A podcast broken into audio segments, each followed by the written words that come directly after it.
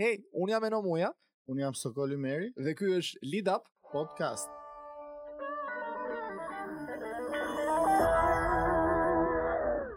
Përshëndetje, përshëndetje, përshëndetje.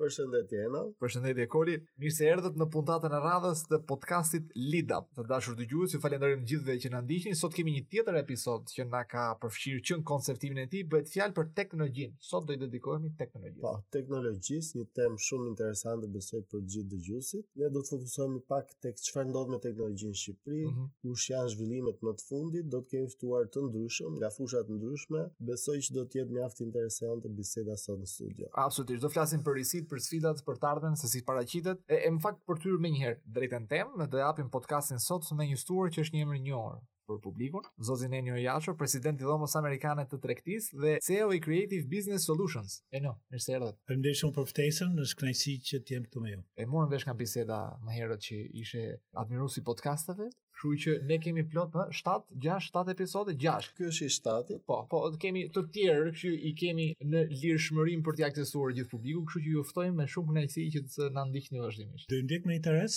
ky është podcasti i parë, megjithëse dëgjoj vetë, jam ndjekës i podcasteve të shumta, por ky është podcasti i parë që unë marr pjesë. Kështu që... kishte ardhur momenti që të ishe dhe pjesëmarrës përveçse dëgjues i podcasteve. Mirë, në fakt, pyetja e parë që kemi lidhet me një aktivitet goxha të rëndësishëm, që Dhoma Amerikane e Tregtisë organizoi së bashku me ambasadën Amerikane, përpara disa muajsh, më konkretisht në konferencën e parë rajonale të vendeve të Ballkanit Perëndimor për qytetet inteligjente. çfarë e bën një qytet inteligjent, pra smart, dhe a mendoni se Shqipëria është në atë fazë që mund ta hedhë këtë hap? Po, pyetje shumë e mirë. Një qytet inteligjent e bën në radhë të parë aftësia e qytetit për të adaptuar teknologjinë në një mënyrë të tillë e cila bëhet e vlefshme për qytetarët e këtij qyteti. Pra, e bën jetesën e këtyre qytetarëve që jetojnë në këtë qytet, e bën atë më të mirë, më të mundshme, më të aksesueshme, më të aksesueshme, e përmirëson mm -hmm. nëpërmjet teknologjisë. Kjo është ajo që bën një e dallon një qytet inteligjent nga një qytet jo inteligjent. Për t'iu përgjigjur pyetjes nëse kjo është diçka që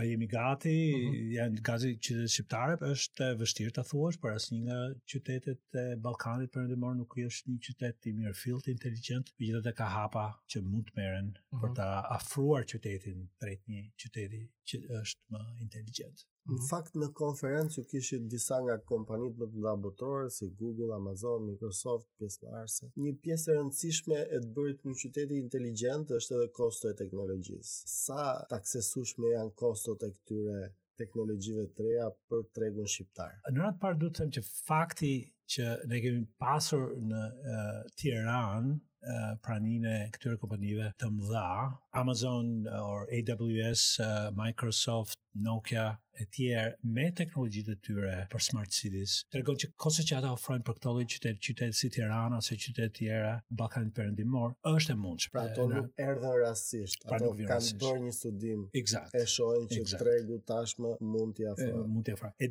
dyta ka ka dy përqasje në lidhje me qytetet si të thuash më të vogla ose qytetet që janë në zhvillim e sipër, në lidhje me smart cities me qytete inteligjente. Mënyra e vjetër në një farë mënyre e asaj përqasjes ka qenë që të punojmë, të marrim zgjidhje sa më të lira, të shpejta. Edhe një tjetër ka qenë që disa qytete të tjera kanë punuar me zgjidhje pak më afatgjata që ofrojnë disa nga kompanitë më të mëdha. Koha ka provuar që këto zgjidhjet e dyta i kanë rezistuar shumë më tepër kohëve, megjithëse mund të jenë me, me disa kosto mund të vinë me disa kosto më të larta, por që ka mënyra të ndryshme se si mund të përballohen këto kosto, sepse për të përmendur edhe sigurinë, siguria është një nga elementet shumë të rëndësishme. Pra, duhet të jemi të qartë se çfarë po bëjmë, duhet të jemi të sigurt në lidhje me atë që po bëjmë. Kështu që po, përgjigjja e shkurtër është që është e mundshme të përballojmë edhe disa nga zgjidhjet që ja teknologjitë e kompanive më të mëdha. Siç thotë dhe shprehja, nuk jam aq i pasur që të blej lirë. Eksakt.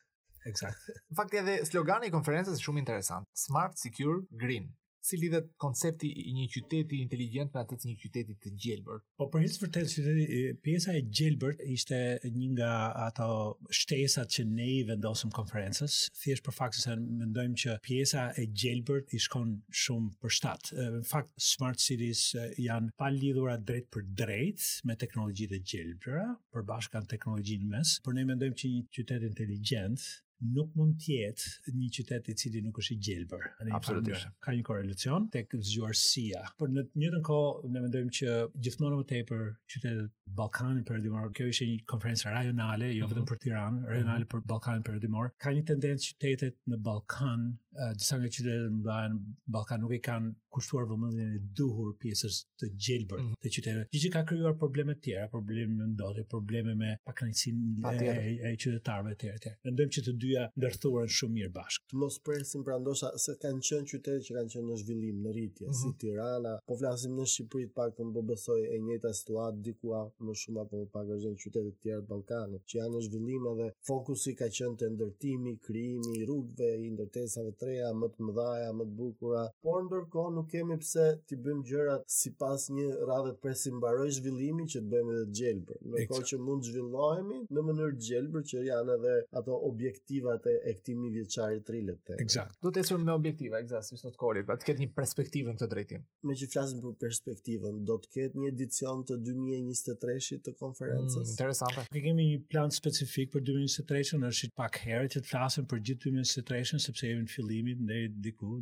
relativisht në fillimin e 2023-shit. Ka disa diskutime për disa konferenca rajonale, duke përfshirë edhe evente si qytetet inteligjente, por nuk kemi, nuk kemi diçka të përcaktuar për 2023-shin. nuk ishte një jo. Ishte një po madje shumë e hapur. Një po e rezervuar, një po e rezervuar, do thotë. Po po po kemi pasur e vërteta është kemi pasur. Dëshira është e madhe. Shohim se sa do zbatohet. Kemi pasur interes eh, në mhm. lidhje me ndjekjen e disa nga aktivitetet që kemi pasur që kanë ndodhur në Smart City në konferencën e vitit që kaloi, edhe si e tillë ka pasur interes edhe nga disa kompani të mëdha. Shumë njerëz menduan që kjo do ishte një konferencë vjetore, nuk është një konferencë vjetore, por gjithsesi ka pasur interes, kështu që nuk them dot që nuk do ketë. Pyeta në fillim të bisedës sa gati është Tirana, në fakt do doja ta zhvendosja në tjetër dimension pyetjen sepse edhe mua vetë më ngacmoi pak kureshtja sa gati janë të rinjtë shqiptarë të përqafojnë, s'po them të ardhmen të sotmen. Praktikisht kur flasim për teknologji, duhet të kemi të sotmen parasysh. A duket sikur është një kërkesë e brendshme edhe e këtij brezi të rinjve? Mendoj që pa dyshim që po, pa dyshim që po. Është gjithmonë për shembull kënaqësi të kalosh në ambientet e Tumos, të shikosh se sa të rinj ka që e kanë adaptuar teknologjinë, që e kanë po, është një ndryshim i i ndjeshëm ndaj brezit të ri mm -hmm. në krahasim me brezet e tjerë, të cilët e kanë teknologjinë shumë më të natyrshme, mm -hmm. e kanë të inkorporuar në jetën e tyre të përditshme shumë më tepër dhe shumë nga këto kërkesa vijnë shumë natyrshëm për brezin e ri, por unë mendoj që mendoj që po i kanë teknologjitë jashtëzakonisht shumë të natyrshme, kështu që mendoj që është e sigurt. që brezi i ri e adapton teknologjinë dhe e ka adaptuar mm -hmm. shumë shumë më tepër. Natyrisht, po cili është trendi në fakt i investimeve teknologjike në Shqipëri? Ju edhe si si presidenti i Dhomës Amerikane të Tregtisë mund të na jepni më shumë informacion në këtë drejtim. Është interesante ne punojmë shumë në lidhje me përmirësimin e klimës së biznesit në një mënyrë të tillë që të tërheqim investitorë sidomos investitorë amerikanë, gjithmonë më tepër në Shqipëri. Edhe ajo që ka ndodhur, por që nuk mund të them që ka ndodhur për meritë të dhomës amerikane të tregtisë, por kemi pasur një trend pozitiv, i cili ka të bëjë me kompanitë e teknologjisë. Kemi parë disa kompani teknologjie, ka ka shembuj kompani teknologjie që fokusohen në ndërtimin e teknologjisë apo software development, të cilat punojnë janë bazuar kryesisht në Amerikë, që kanë vendosur disa nga degët e tyre në Shqipëri. Kjo ka qenë shumë interesante, mund të kenë degë edhe në vende të tjera të Evropës, po kanë vendosur degët e tyre në Shqipëri dhe degët e Shqipërisë të tyre janë ato që po rriten më tepër në krahasim me përqendrimin në vendosjen e tyre në në vende të tjera. Kështu që janë disa trende pozitive të cilat ne po i ndjekim me shumë interes. Në qendër të këtyre zhvillimeve janë gjithmonë burimet njerëzore. Dhe për të ardhur pak te kjo që fjala fund që thatë burimet njerëzore janë në qendër të kësaj. Sa i kemi ne sot në tregun shqiptar burimet e njerëzore të nevojshme për të investuar, për të ndërtuar në fushën e teknologjisë, për të bërë biznes në fushën e teknologjisë. Për mos qenë vetëm konsumatorë të teknologjisë, por pse jo të prodhojmë teknologji. Mendoj që ka një zhvillim shumë interesant në Shqipëri, pikërisht në lidhje me me këtë pyetje, me burimet njerëzore. Në qoftë se do ma bënit këtë pyetje qoftë 3 vjet më përpara, mund t'ju jepja një përgjigje krejtësisht tjetër. Edhe përgjigja që do jepja 3 vjet më përpara do ishte që fatkeqësisht, do doja të isha i ndershëm me ju dhe do thoja që fatkeqësisht burimet njerëzore në lidhje me teknologjinë që Shqipëria ofron janë më të ulta në lidhje me cilësinë e tyre krahasim edhe me vende si Kosova të cilën e kemi parë gjithmonë me një përqendrim më të mirë në lidhje me aftësitë teknologjike, aftësitë për të prodhuar teknologji coding software. Po në tre vitet e fundit kemi një zhvillim, pothuajse ka ndryshu krejtësisht radikalisht klimën, terrenin në Shqipëri. Kemi krijimin e disa akademive, teknologjisë, të cilat e kanë ndryshuar krejtësisht dhe mendoj që rezultatet kryesore, impaktin kryesor do të japin për më tepër në 3-4 vitet e ardhshme. Me kënaqësi mund të them që kontributin kryesor e kanë dhënë disa nga organizatat, disa nga kompanitë që janë të lidhura në një farë mënyre në një ose direkt ose indirekt me dhomën amerikane të tregtisë. Duhet përmend SDA-n, duhet përmend Beta Plan, duhet përmend Holberton ku por edhe të tjera edhe akademi të tjera, të cilat kanë filluar të japin një kontribut ku ne tani po shikojmë qindra të rinj dhe të reja, po për hir të vërtetës, jo vetëm të rinj dhe të reja, po kryesisht të rinj dhe të reja, të cilat marrin këto klasa, bëjmë fjalë për vocational training, trajnime pas shkollore, të cilat i marrin këto mësime, adaptojnë skillset e tyre në gjuhë programimi të ndryshme apo në teknologji të tjera dhe punësohen pothuajse menjëherë mhm në tregun e punës në Shqipëri nganjëherë edhe jashtë Shqipërisë. Edhe mendoj që ky është një zhvillim jashtëzakonisht pozitiv për Shqipërinë. Patjetër, absolutisht po. Kush mendon që janë faktorët që kanë ndikuar në këtë zhvillim pozitiv, absolutisht pozitiv, dhe çfarë mund bëhet më tej? Pyetje interesante, mendoj që në radhë të parë mendoj që ka disa faktorë që që mund ta rrisin akoma më tepër këtë këtë trend, një nga të cilat do ishte mbështetja në mënyra të ndryshme e programeve pikërisht e këtyre akademive, këtyre shkollave nga programe të ndryshme qeveritare. Dhe me informacionin që unë kam, është një kjo mbështetje ekziston ka filluar përmjet granteve të pjesshme mm -hmm. që ofrohen për studentët, sepse këto janë që të jemi koshient të gjithë kanë një lloj kosto. Se sot faktikisht po bëja një kërkim të tillë edhe në nivel europian kostot mund të variojnë nga 10 deri në 30 mijë për një kurs të tillë, pra që të formojë në nivel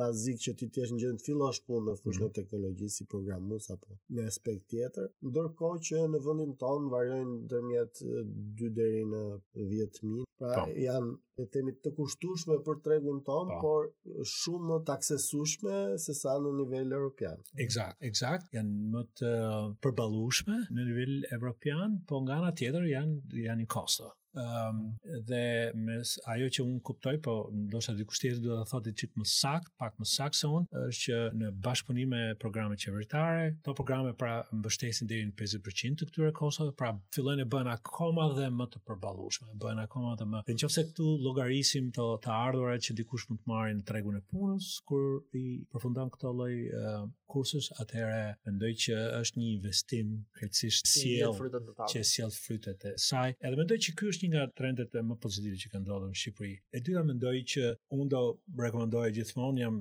një nxitës i fuqishëm i kësaj që do them pak më vonë është që sektori publik, agjencitë publike, qeveria e të tjerë në bashkëpunim me sektorin privat, kjo është diçka që duhet bëhet në bashkëpunim, mund të ofrojnë përqendrime të caktuara në sektorë të caktuar të teknologjisë duke ofruar incentiva të ndryshme në një mënyrë të tillë do inkurajonin investimet e huaja në këto sektorë, po flasim për sektorë nënsektorë brenda teknologjisë, në të cilin uh, do ofronte incentiva për ata që do donin të studionin, të përqendroheshin, të specializoheshin në këto lloj sektorësh nënsektorë brenda teknologjisë. Teknologjia gjithsesi është e madhe dhe do donin të tërhiqnin dhe do të tërhiqnin edhe zhvillime të ndryshme si investime apo kompani të ndryshme të teknologjisë që uh mhm. -huh. punojnë jashtë Shqipërisë, por do donin do ishin mirë të vendoseshin në Shqipëri për arsye të specializimit të forcës punonjëse të kualifikuar në lidhje me këto. Këto do ishin disa nga ato hapat e ardhshme.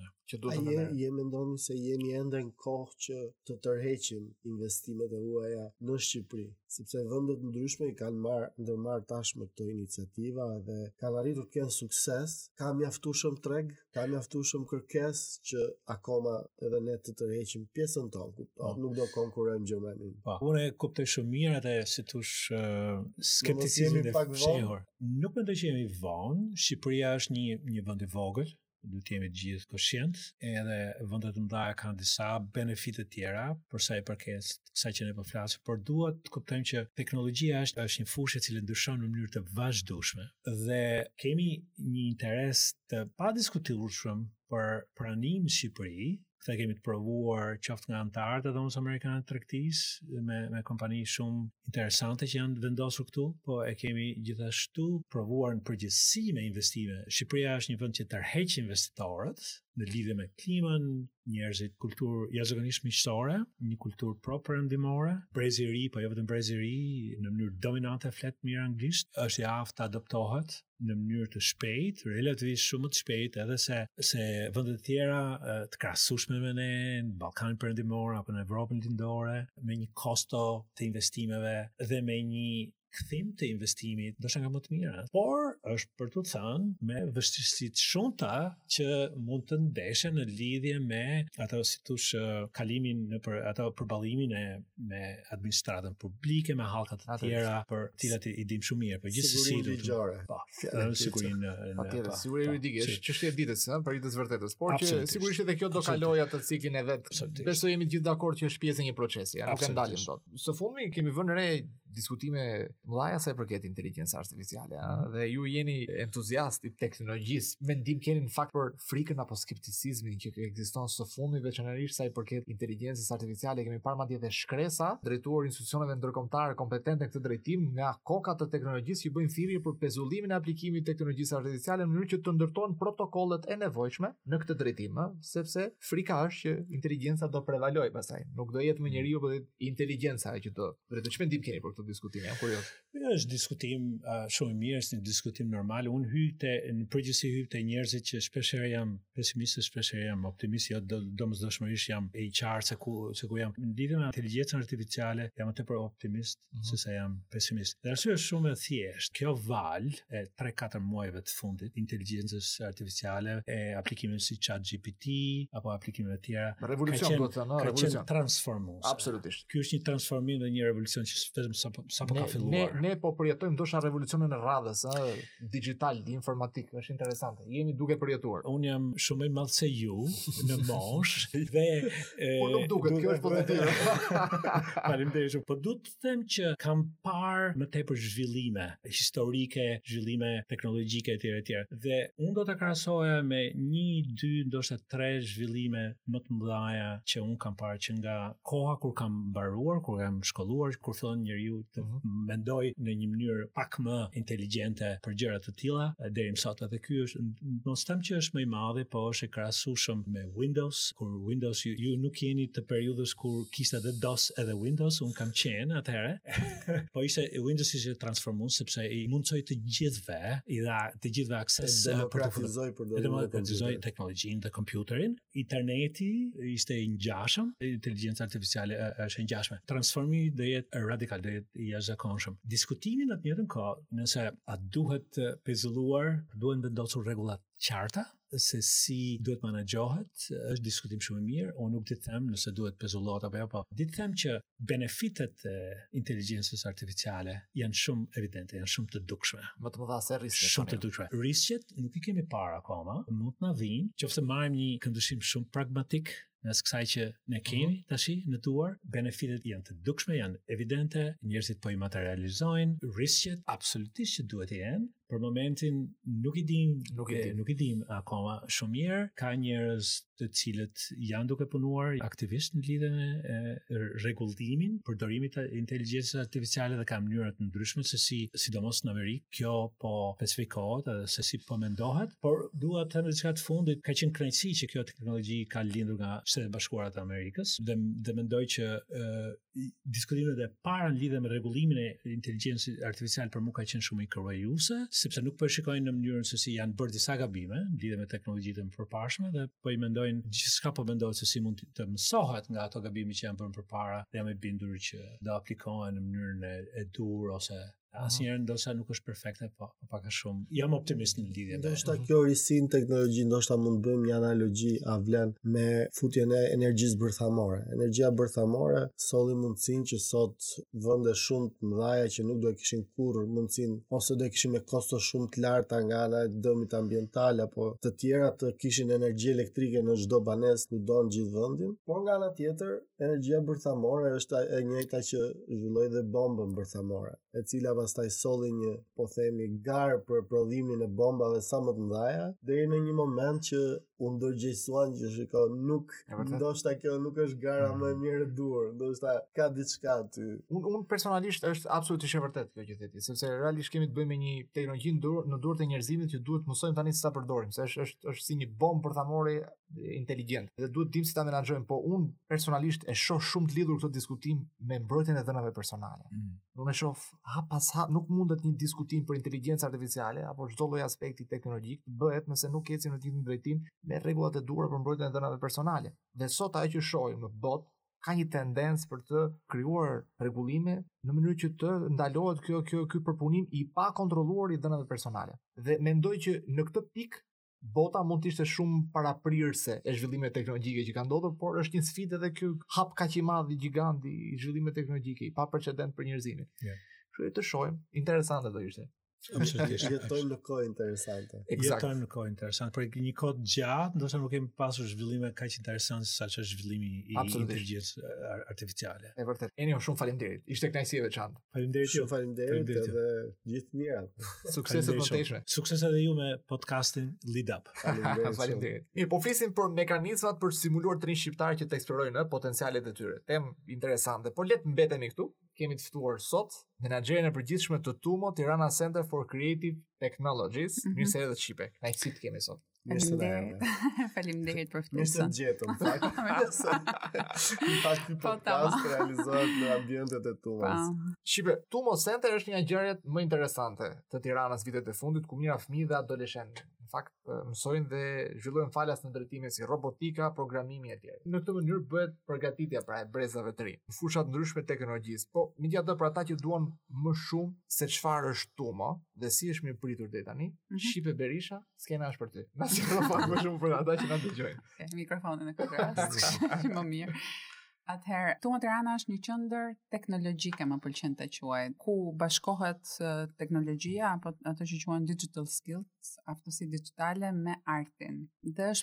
për fëmijë nga mosha apo adoleshentë nga mosha dymbëdhjetë deri në tetëmbëdhjetë vjeç. Atëherë çdo i ri që është në këtë moshë mund të vijë të regjistrohet dhe pak a shumë të shohë dhe të eksplorojë gjithë fushat ku ne kemi mësime, siç janë robotika, modelimi 3D, graphic design, animation, programimi, game development, muzika dhe filmmaking. Ku e gjejnë veten?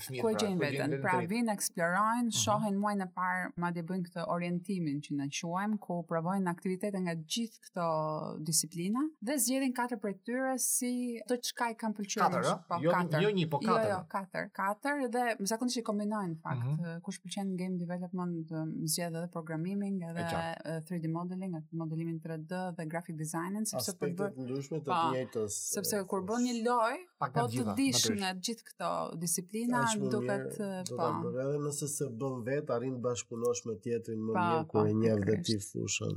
Është shumë interesante pjesa e eksplorimit, fjala kyçe, mhm, Shqipe, për mendimin mhm. se eksplorojnë, të zbulojnë talentin. Pra nuk është e thënë që dikush të jetë i fokusuar në një në teknologji apo në një art të caktuar dhe të vijë në Tumo të ndjekë atë kurs, po të vijë të eksplorojë disa tet kurse që përmende dhe pastaj të fokusohet në ato ku e shef veten që performon më mirë. Se ndonjë janë fëmijë po. ende në zhvillim akoma ndoshta nuk është zbuluar plotësisht talenti, ndoshta mendojnë që kanë po. talent në një fushë, por mund ta kenë talent në një fushë tjetër. Është pikërisht kjo mosha që pak a shumë marrin drejtimin, le të themi. Për shembull kemi pas raste që kanë ardhur me dëshirë për të vazhduar për programim, kanë zbuluar që kanë super talent në muzikë Fantastike. Pa, exact, një zë exact, yeah. fantastik që profesori i muzikës thotë unë nuk kam dëgjuar zë të tillë. Kështu që ja pra një TUMO gjenerator talentesh, sinonimi. Diçka që uh, nuk e dinim përpara, apo anasjelltas për shembull, uh, kanë ardhur për diçka artistike, kanë zbuluar që programimi i tërheq shumë, i pëlqen shumë dhe kanë vazhduar aty. Këto janë gjëra që ne na gëzojnë çdo ditë. Po, patjetër, natyrisht.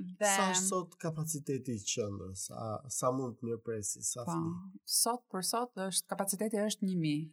1000 1000 persona. Po, 1000 ne i themi student, nxënës që vijnë çdo javë. Pra, vijnë çdo wow. javë dy herë në javë për sesionet që zgjasin 1 orë e gjysmë çdo sesion. Dhe dua të përmend që dhe programi nuk është siç jemi mësuar të shohim në shkollat apo në kurset e tjera. Ky është një program që është që është formuar le të themi ose konceptuar si lojë, si lojë në kuptimin që uh, është me nivele, ka brenda edhe i nxit këta nxënës që të shkojnë të kërkojnë për shembull këto aftësitë e researchit e kërkimit, nxit këto aftësitë analitike, pra për të bërë një detyrë apo një aktivitet, ai ka nevojë të shohë për shembull një video, ta kuptojë si është bërë aty dhe ta aplikojë tek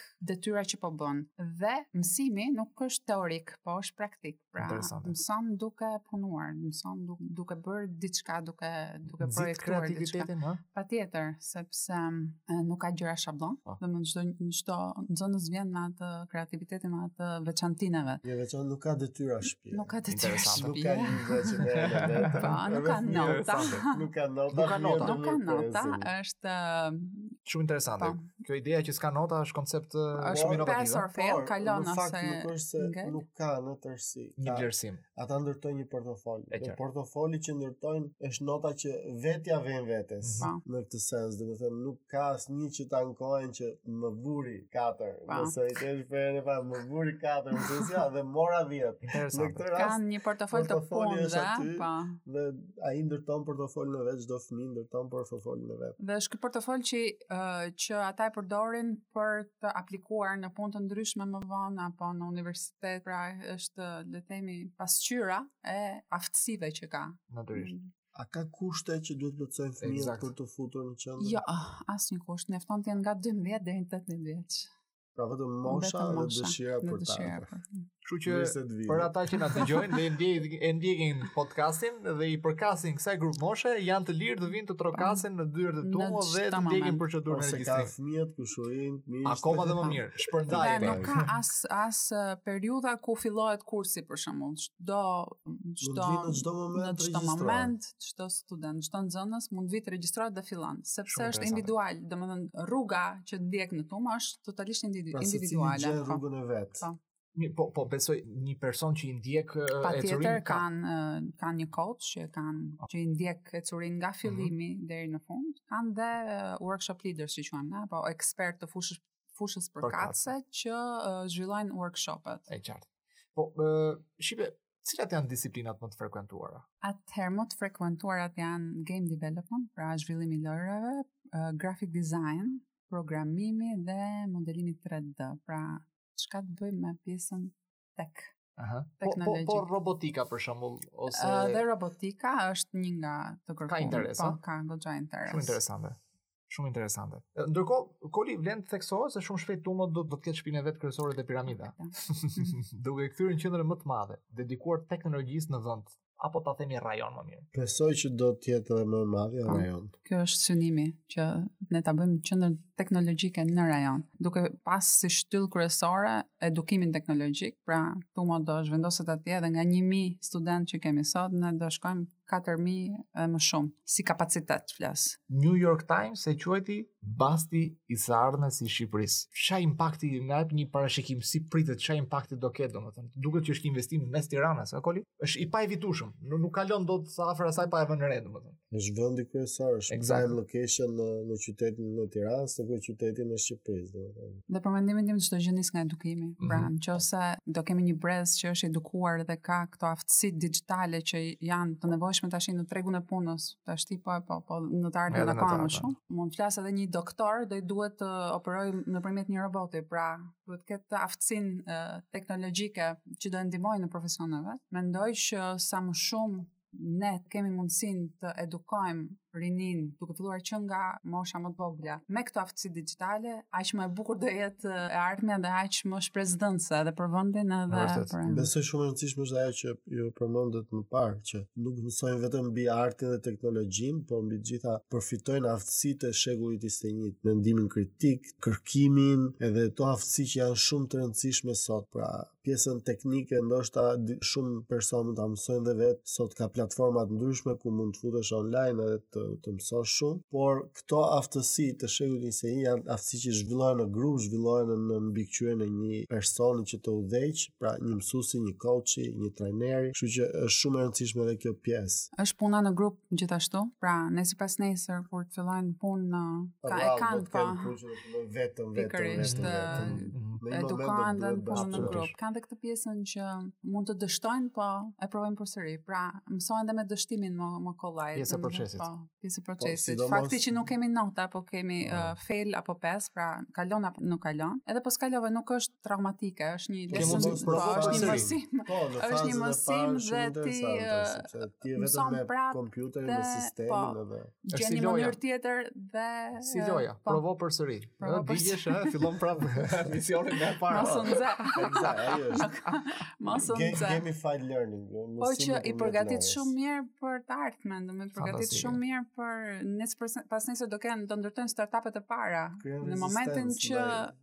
është jam mësuar që ok, mund të dështoj kësaj radhe, po herën tjetër do më ecë më mirë. Si tha, nuk, nuk dështova një po. mirë, tha, mësova një mënyrë se pa. Po. si nuk funksionon. Eksakt, eksakt, është çështje mindseti, ë? Po. Shqipe, ishte bisedë shumë e këndshme. Unë e shijova tani do ta japim një mesazh për ata që na dëgjojnë tani se s'mund ta lëm kështu. Për gjithë ata që dëgjojnë që kanë nipër mbesa e tha Koli, nipër mbesa të njohur të gjithë.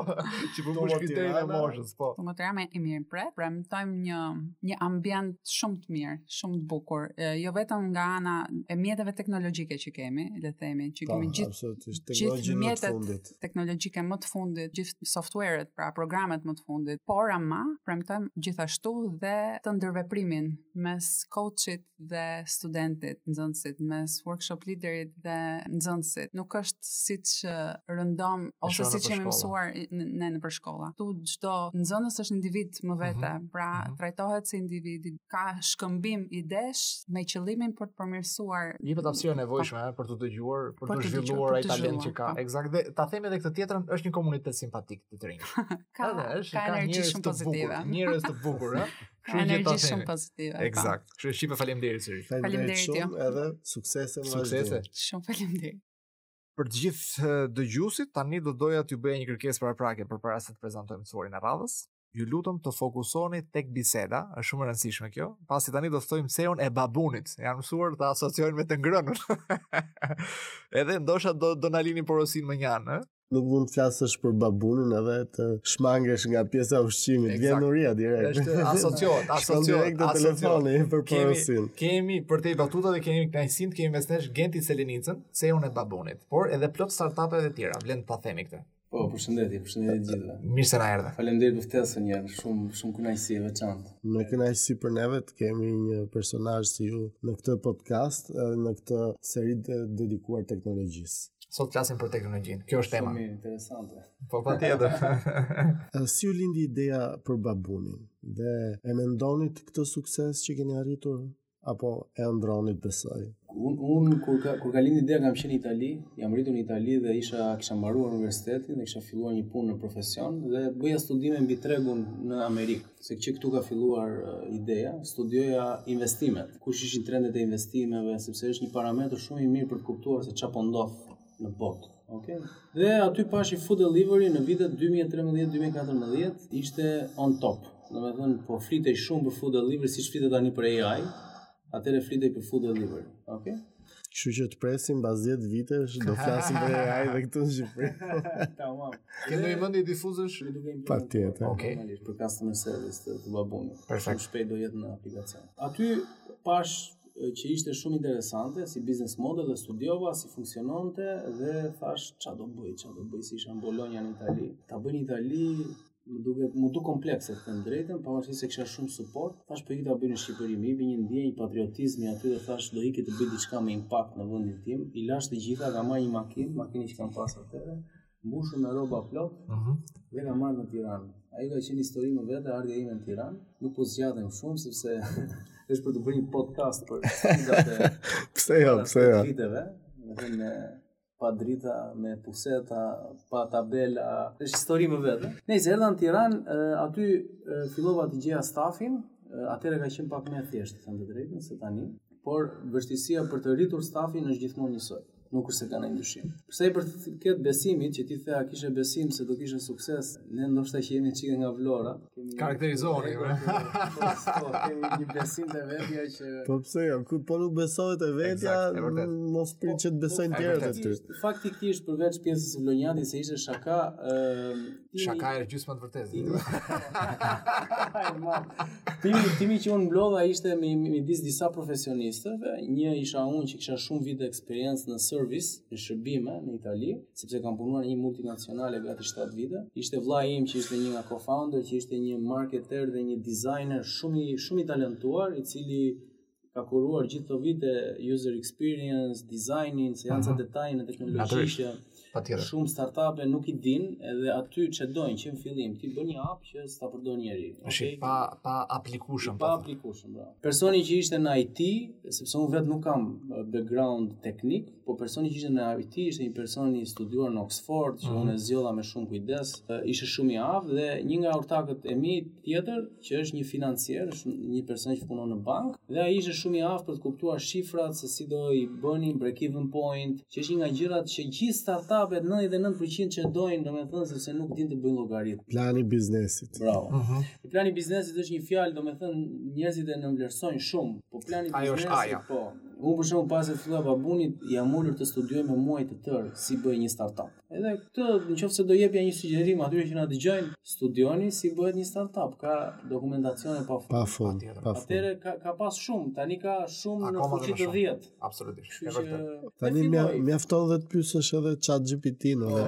S'ka nevojë të kërkosh shumë. Kam çik rezervat e mia për ChatGPT, po të kursen shumë punë për shumë gjëra. Po po po flet për aplikacionin, po. shumë herë në fakt besoj na ndodh gjithëve që të jemi në tavolinë, dëgjojmë miq që flasin për idenë për një aplikacion, po tek aplikacioni juaj cili është ai ingredienti kryesor që e bën të veçantë dhe suksesshëm. Atëherë ne aplikacioni jonë është maja e icebergut dhe ajo që ne na bën të veçantë është shërbimi në përgjithësi, domethënë ajo pjesë mm -hmm. mbrapa icebergut që nuk duket, mm -hmm. sepse Babuni është një kompani shërbimi e mirëfilltë. Natyrisht. Nuk është një aplikacion. Po. Domethënë është në dukje një aplikacion, por është realisht 3%, 4% i asaj që ndodh nga mbrapa. Mbrapa është një sistem shumë i avancuar CRM-je që menaxhon klientët, menaxhon financën, menaxhon HR-in, menaxhon customer service, menaxhon uh, marketingun, menaxhon logjistikën, domethënë mm -hmm. të gjitha këto sektore që janë nga mbrapa, përveçse kanë një teknologji shumë të avancuar, dhe të dedikuar për njerëzit, për klientët kryesisht, për bizneset nga një anë, po dhe për operatorët që punojnë në Babun, uh -huh. sepse janë mbi 45 veta që janë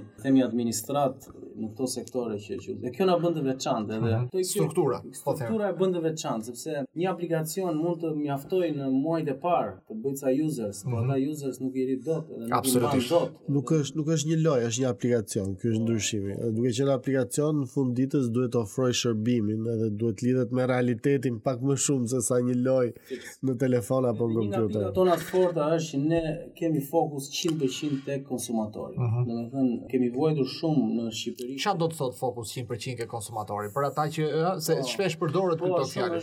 Duket si klishe, Pikërisht. është ne studiojmë nevojat që kanë njerëzit, mm -hmm. domethënë dhe problemet dhe kërkesat. Okej, në bazë të nevojave ne personalizojmë ofertën. Është qartë. Që do të thotë për shembull nëse ti do të hash pica napoletane, ne kërkojmë restorante me pica napoletane, i kërkojmë neve sepse na duhen për klientët që i kanë kërkuar.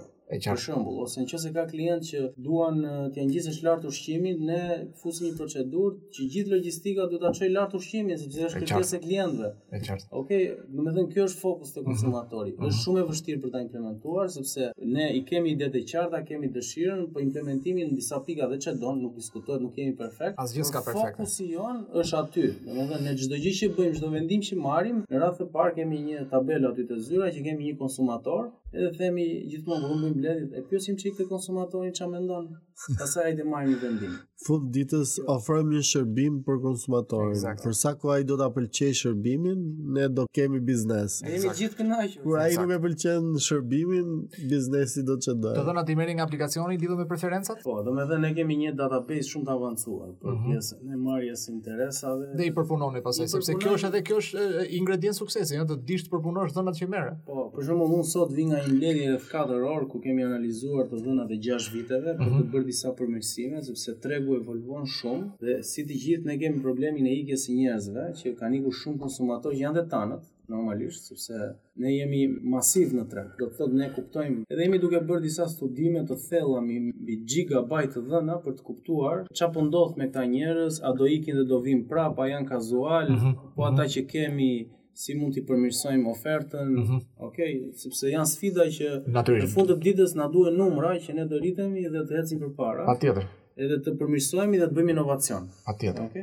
Është normale. Sa mendon që i përqafojnë shqiptarët aplikacionet e reja që dalin? Shpesh kemi parë kohët e fundit dalin aplikacione. Fatkeqësisht ka një difidencë shumë të madhe dhe kjo nuk është për fajin e konsumatorëve të shqiptarëve, është për fajin të të, të atyre që bëjnë biznes ose që bëjnë startup ose që bëjnë aplikacione sepse nuk kanë fokus konsumatorin edhe shumë shpejt humbet besimi dhe dhe po të pyesësh për shembull njerëzit e ke provuar atë aplikacionin shqiptar po ç'e do, më është shqiptar më kupton sepse ka disa ingredient suksesi aplikacioni si pyetja që bëre ti domethënë klienti për shembull pret një diçka nga ty dhe ti duhet t'ia ezaurosh atë gjë. Për shembull nëse ti ngre një business model të ri ku di unë prenotimi i autobuzave ose taksive, ti duhet të kuptosh mirë se pse ai që do marrë taksinë me aplikacion, pse do ta marrë, se i bie telefonit ose vetë aty e ka ngjitur. Pra, nuk fillon nga aplikacioni, duhet një siç e thatë e përmendët atë eksperiencën tuaj edhe është eksperiencë shumë e mirë që ju e filluat me një studim të mirëfilltë tregu shumë të detajuar ku patë nevojën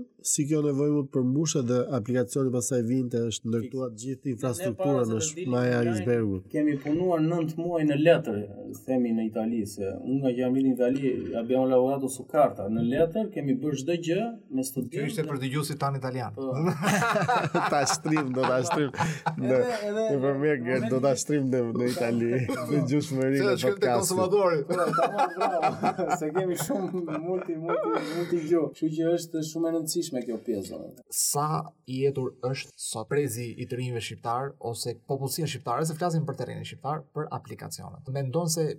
Kjo është e paevitueshme tani. Kjo është totalisht e paevitueshme dhe ka nevojë për aplikacione shqiptare, sepse këtu realisht mungon gati çdo gjë. Cilat janë ato pika kyçe që ti do t'i evidentoje që ka mangësi në drejtim të aplikacioneve? Po, pa ndarë shumë sekrete, sepse sigurisht nuk do jo, jo ato që po zhvillon për vete, po ca ide të tjera për për dëgjuesit. Ku mendon se duhet të jetë orientimi për zhvillim? Se është interesante. Okej, kjo se flasim për zhvillim aplikacionesh, po nuk fokusohemi në drejtime. Kjo është një pyetje që duhet të mendohem pak, po për shembull një sektor është healthcare, mm -hmm. ku nuk ka asnjë lloj investimi në healthcare, domethënë të gjitha spitalet punojnë me gjëra autodidakte të bëra keq turizmi Këtu s'ka asnjë lloj aplikacioni për turizmin. Unë në çdo vend që flas kur takoj miq, o Zot them s'kam kohë se do kisha bërë një super aplikacion turizmi dhe ka super biznes. Okej, kemi pasur një episod në për turizmin, është e ardhme në fakt përpos teknologjisë. Po, edhe edhe domethënë turizmi ka një një një pafundësi aplikime se nuk është çështja vetëm te hotelet, është e guida turistike, është e turizmi dentar, Domethënë kur flas turizmi është domen shumë i gjerë dhe aty ka pafund. Kam kam përshtypjen se ti shikon nga një tjetër qasje, jo vetëm me zhvilluesit, programuesit, ti e shef në syrin e sipërmarrësit. Pra ti mendon se çfarë bëhet pas aplikacionit që aplikacioni të ketë sukses. Është një sipërmarrës serial në definicionin e gjerë. Nuk jam, unë nuk jam. Efe, pikërisht pra. Pra ti me se s'është thjesht të bësh aplikacion çështja është të bësh punën mbrapa. Bravo, është ajo që quhet business development. domethënë të zhvillosh ti biznes, mm -hmm. ti do të mendosh gjithmonë për konsumatorin. Për shembull, nëse dikush këtu do do frymëzohej nga kjo që po themi, le të kuptojmë çfarë do një turist i huaj kur vjen në Shqipëri. Pse do përdor vetëm Booking? Kur ti mund të bësh një aplikacion që bën marketing për gjithë italianët me çmime më të lira, sepse Booking ka 20, 30, 40% komisione, mm -hmm. ndërkohë ti bën me 10% sepse këtu ke kosto shumë më të lira. Exact.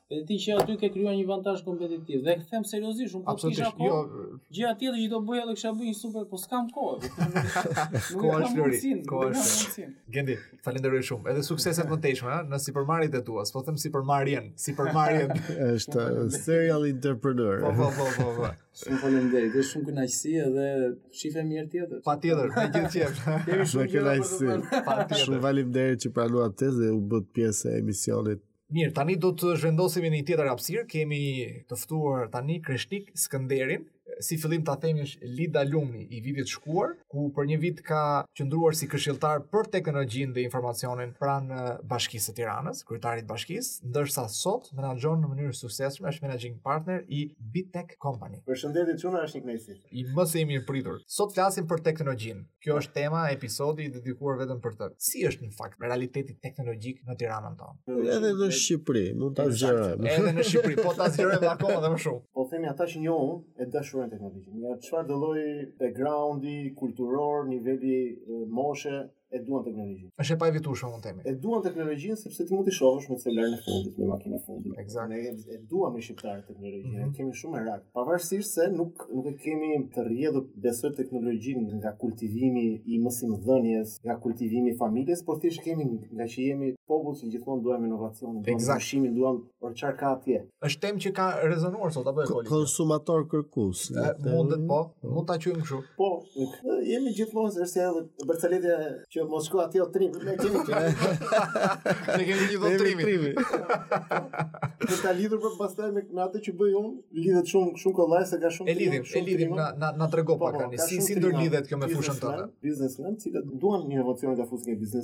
të tyre po thjesht me idenë se duan ta fusin. Siç duan të marrin telefonin e fundit, dhe makinë mendojnë që kështu futet dhe inovacioni në biznes. Po s'janë gati për një mijë gjëra se, domethënë që ti të marrësh produktin e fundit, aplikacionin e fundit, ti do të kuptosh për çfarë të duhet ai aplikacion. Exact. Po more mbrapsh, po ditë që që do marrësh vlerë të shtuar më mirë se aplikacione pa fund për çdo gjë. Po duhet të jesh shumë i qartë ça është që do. Jo të thjesht ta marrësh inovacionin se është për hir të inovacionit. Për hir të inovacionit. Si puna e telefonit. Po si puna. Exact. Për çfarë duhet telefoni, iPhone-i i fundit, nëse s'e përdor? ju jeni partner menaxhues i një kompanie me fokus teknologjinë. Sa e lehtë është të bësh këtë rol dhe sa sfidë është sot të bësh biznes në fushën e teknologjisë në Shqipëri, në Tiranë? Në Shqipëri, në Tiranë, unë them që është është e vështirë. E vështirë edhe për ato që thamë pak më përpara, domethënë është e vështirë sepse unë ndoqa edhe podcastin e kaluar për ekonominë dhe edukatën financiare. Po, po. Ne niset niset shumë nga edukata financiare, mm -hmm. domethënë dhe dhe kultura e përgjithshme. Ti nuk mund ta përqafosh shumë kollaj ndryshimin, nëse ti s'e ke këtë kulturë, këtë edukatë. Dhe Sidomos në fushën në fintech, ëh, se edhe kjo është një çështje sidomos në fintech ose në pjesën e kontabilitet-financës, pjesën operacionale të biznesit, këtë që mbulon kompania ime. Kjo mungesa e kësaj përgatitjeje është thelbësore, sepse po sjell një lloj hezitimi përshtatjen, në përthithjen e kësaj teknologjie. Është shumë kollaj ta shpjegosh, të bësh një demo, ta shpjegosh produktin dhe t'i pëlqejë fillim, shumë vështirë të implementosh, sepse ti nuk implementon thjesht një sistem, implementon një ndryshim kulturor brenda kompanisë. Në terma në anglisht e quajnë change management, do të thotë të ndryshosh komplet një mënyrë, një strukturë, mënyrë operimi të vjetër me një të re. Si e sheh sot këtë fushë të cilën ti e mbulon? A ka bërë hapat e duhur për t'u përshtatur me këtë me këto risi apo me hapat e teknologjisë apo ne ndoshta kemi nevojë të ecim me hapa më galopant krahasuar me vendet e botës perëndimore? Shiko, unë shof, jemi shumë vonë. Shumë vonë pse? Sepse tregu i teknologjisë bëhet gjithnjë më i shtrenjtë për Shqipërinë. Por kapacitetet e biznesit shqiptar dhe mundësia për të investuar në teknologji është është një gjë që i, i frenon bizneset, por ajo që do i frenojë në vazhdim është ekonomia. Sot unë punoj me zhvillues të cilët jetojnë në Irlandë, në Kosovë, Qipro. Kjo është normale apo apo një kërkesë për shkak të mungesës së tregut? Sot jo, sot tregu i teknologjisë është global. Mm -hmm. Sot një IT nuk paguhet sa çfarë, domethënë me me logjikën e tregut shqiptar. Një IT i mirëfilltë një zhvillues po themi, paguhet siç paguhet një IT në Amerikë, në Gjermani, në Itali, mm -hmm. Kështu që është irrelevant me pozicionimin gjeografik praktikisht. Absolutisht, po sepse ti e ofron shërbimin punën tënde mund ta ofrosh para kompjuterit, po. kompjuteri mund të jetë kudo, në shtëpi, në dhomë, plazh, në mal. Standardet njësoj janë. Kudo që të jetë që ka një lidhje në internet dhe ti mund t'ia ofrosh shërbimin tënd mhm. një kompanie apo një individi apo një institucioni që mund të gjendet krejtësisht në anën tjetër të po, botës. Kjo kjo si mund të ofrosh, domethënë kostot janë shumë të larta, njësoj siç si për një kompani italiane, për kompani shqiptare e njëjta kosto i bie për teknologjinë, për të zhvilluar. Kështu që rrjedhimisht ne sot në tregun shqiptar kemi shumë aplikacione të vogla, të cilat bëjnë nga një gjë, por që dhe të lira, të lira, duhet ta themi, por nuk ke një aplikacion, domethënë nuk ke një integrim të plotë, sepse kostoja e vërtetë për biznes të madh është kur integron këto sisteme me njëra-tjetrën, sepse e kërkon dikë me ekspertizë. Bëj automatizim të plotë të procesit. Për veten e tij dhe duke e kastomizuar për vete, duhet t'i marrë në punë këta ekspertë. Marrja në punë e këtyre ekspertëve ka kostën e Italisë, nuk ka më kostën e Shqipërisë. E qartë. Kështu që rrjedhimisht, bizneset shqiptare, qoftë se do të investojnë për teknologjinë, duhet të investojnë gjithnjë sa më shpejt, aq më mirë. E qartë. Kostot vetëm rriten.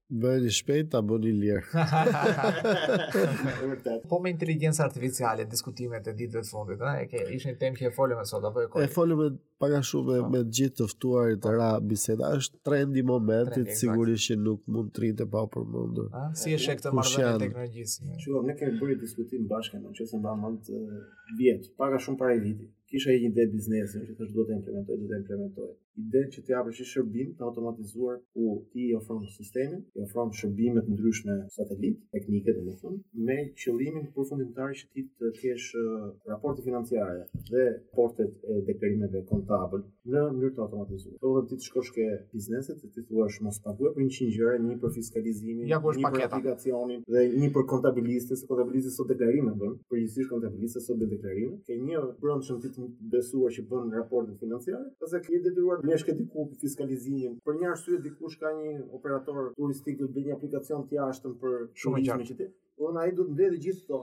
Nuk i ka kapacitetet dhe as nuk do të lodhi mendjen të rri të merret me gjitha aplikacionet merr andaj çok ti si të sinkronizojë njërin si të sinkronizojë tjetrin ai do të një sistem i bëj gjithë aty u fare kontabilitetin ta bëjë diku chat gpt-ja që është tema e ditës po themi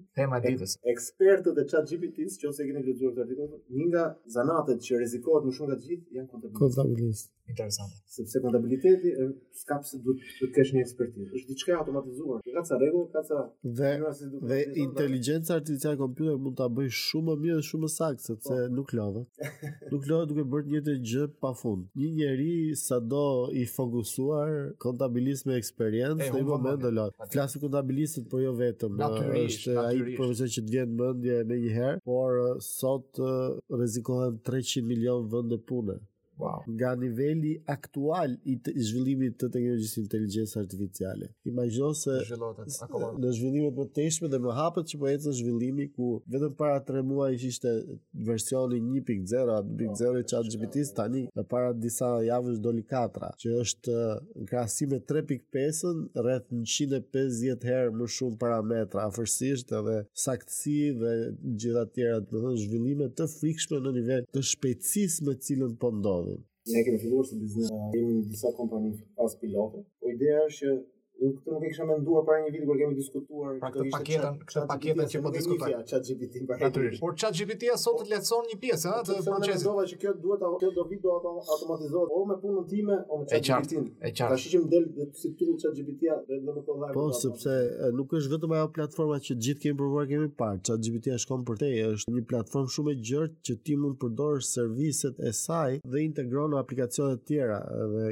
kjo do të sjellë ato zhvillimet radikale. Mm -hmm. Kemi parë që tani qindra aplikacione që kanë dalë që përdorin në background chat GPT-in, por duke i dhënë uh, komanda dhe modifikime të tjera të paraprogramuara, prodhojnë një rezultat ndryshe. Interesante. Mënyra se si funksionon, si është ndërtuar, si ndërtohen dhe zhvillohen sistemet e inteligjencës artificiale. Janë si truri i një fëmije, gjithë fuqia procesuese e trurit të njeriut është që kur lind e disponueshme te njeriu, por aftësia e përpunimit të informacionit zhvillohet me kalimin e jetës, me eksperiencë. Edhe kështu zhvillohen dhe këto aplikacione me eksperiencë, duke i dhënë shembuj të ndryshëm, duke i rritur avash avash, në fakt shumë shpejt, nuk është avash avash fjala e duhur.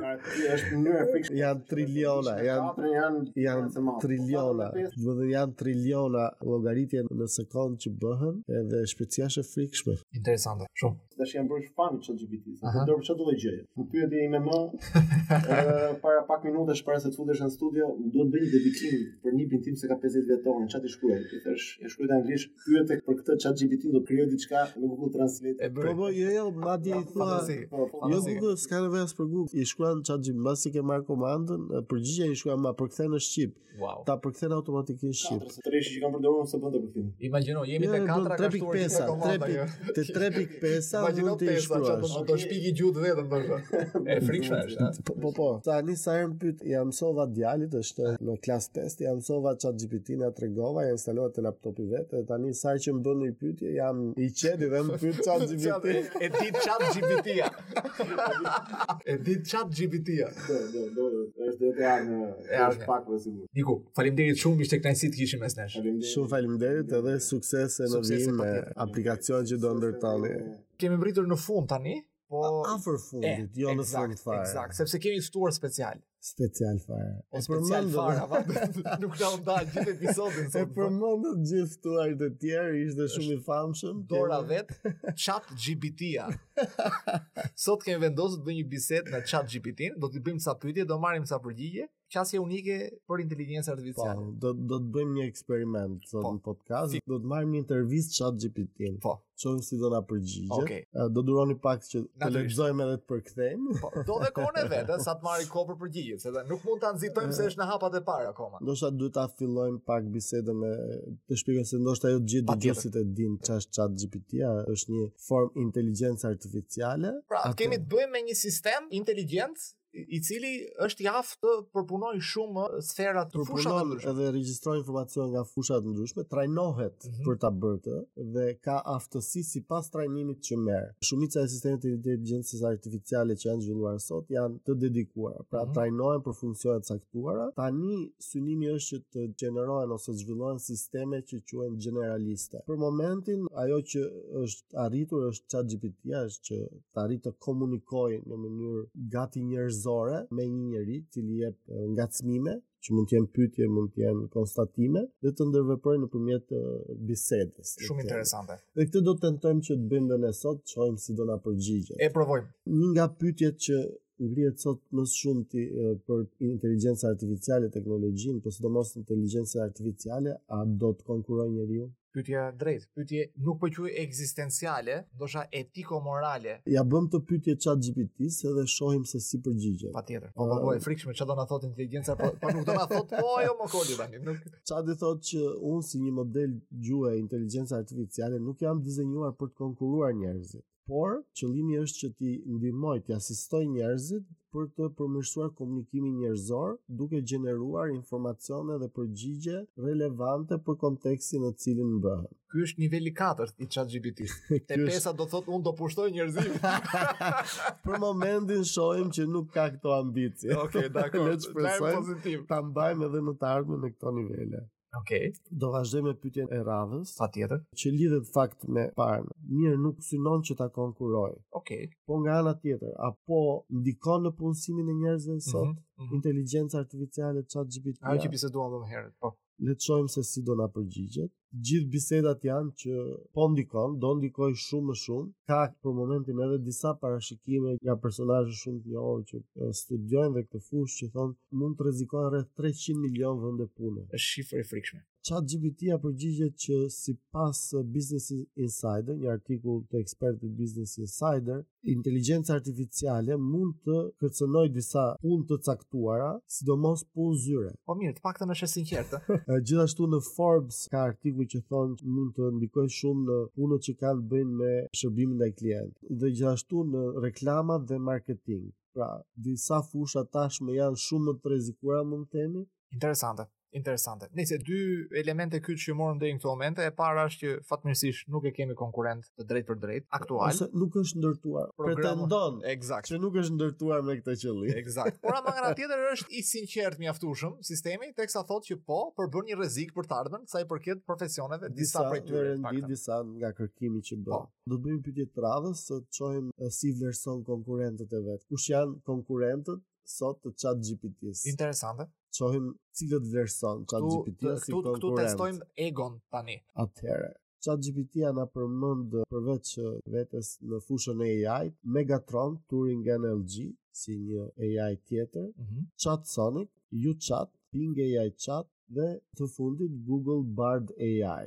Interesant. Të rendit si disa prej konkurrentëve të vet. Interesant. Mirë, jo konkurrues, i sinqert, mund ta quajmë dhe altruist me ata që i ka si vetja. Po le ta pyesim kush janë pesë veti të vetat më të mira. Po le ta pyesim, interesante edhe kjo. Kush janë pesë veti që ai gjykon te vetja si të mira. Shikoje çfarë bisede, duket sikur po flet me njeri.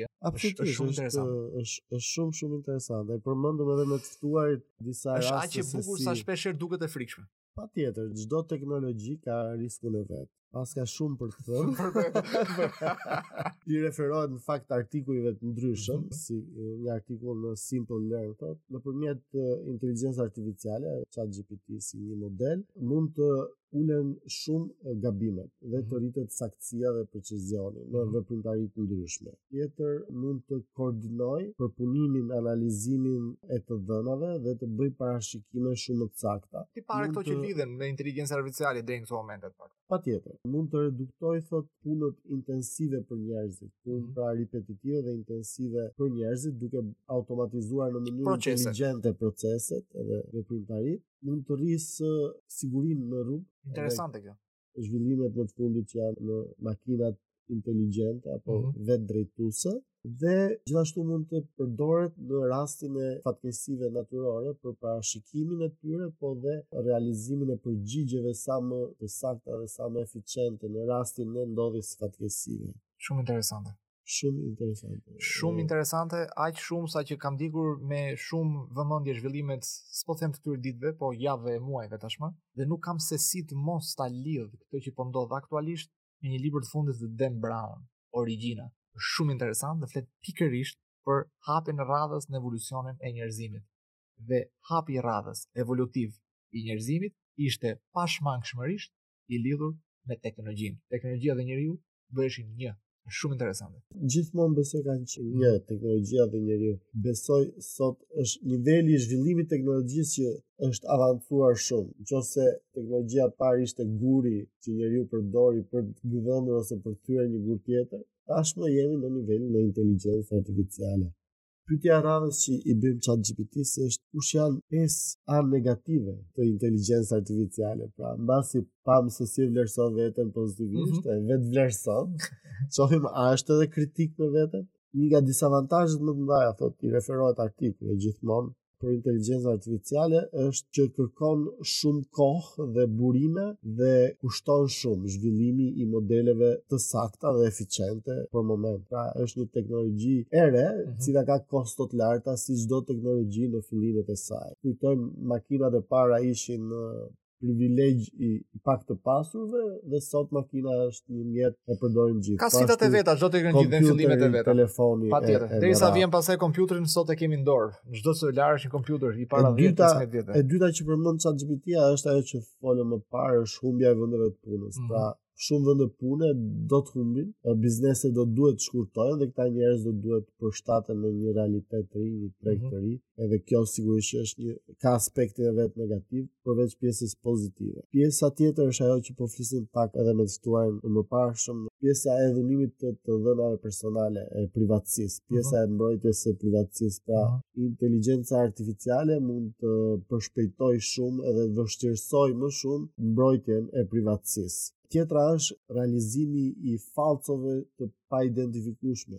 Kemi parë se si kanë bërë simulimin e zërit, arrin dhe simulimin video. Edhe foto, edhe, foto, foto, gati, video, gati, ra. Jo edhe, foto, edhe video. video. Arrin të simulojë video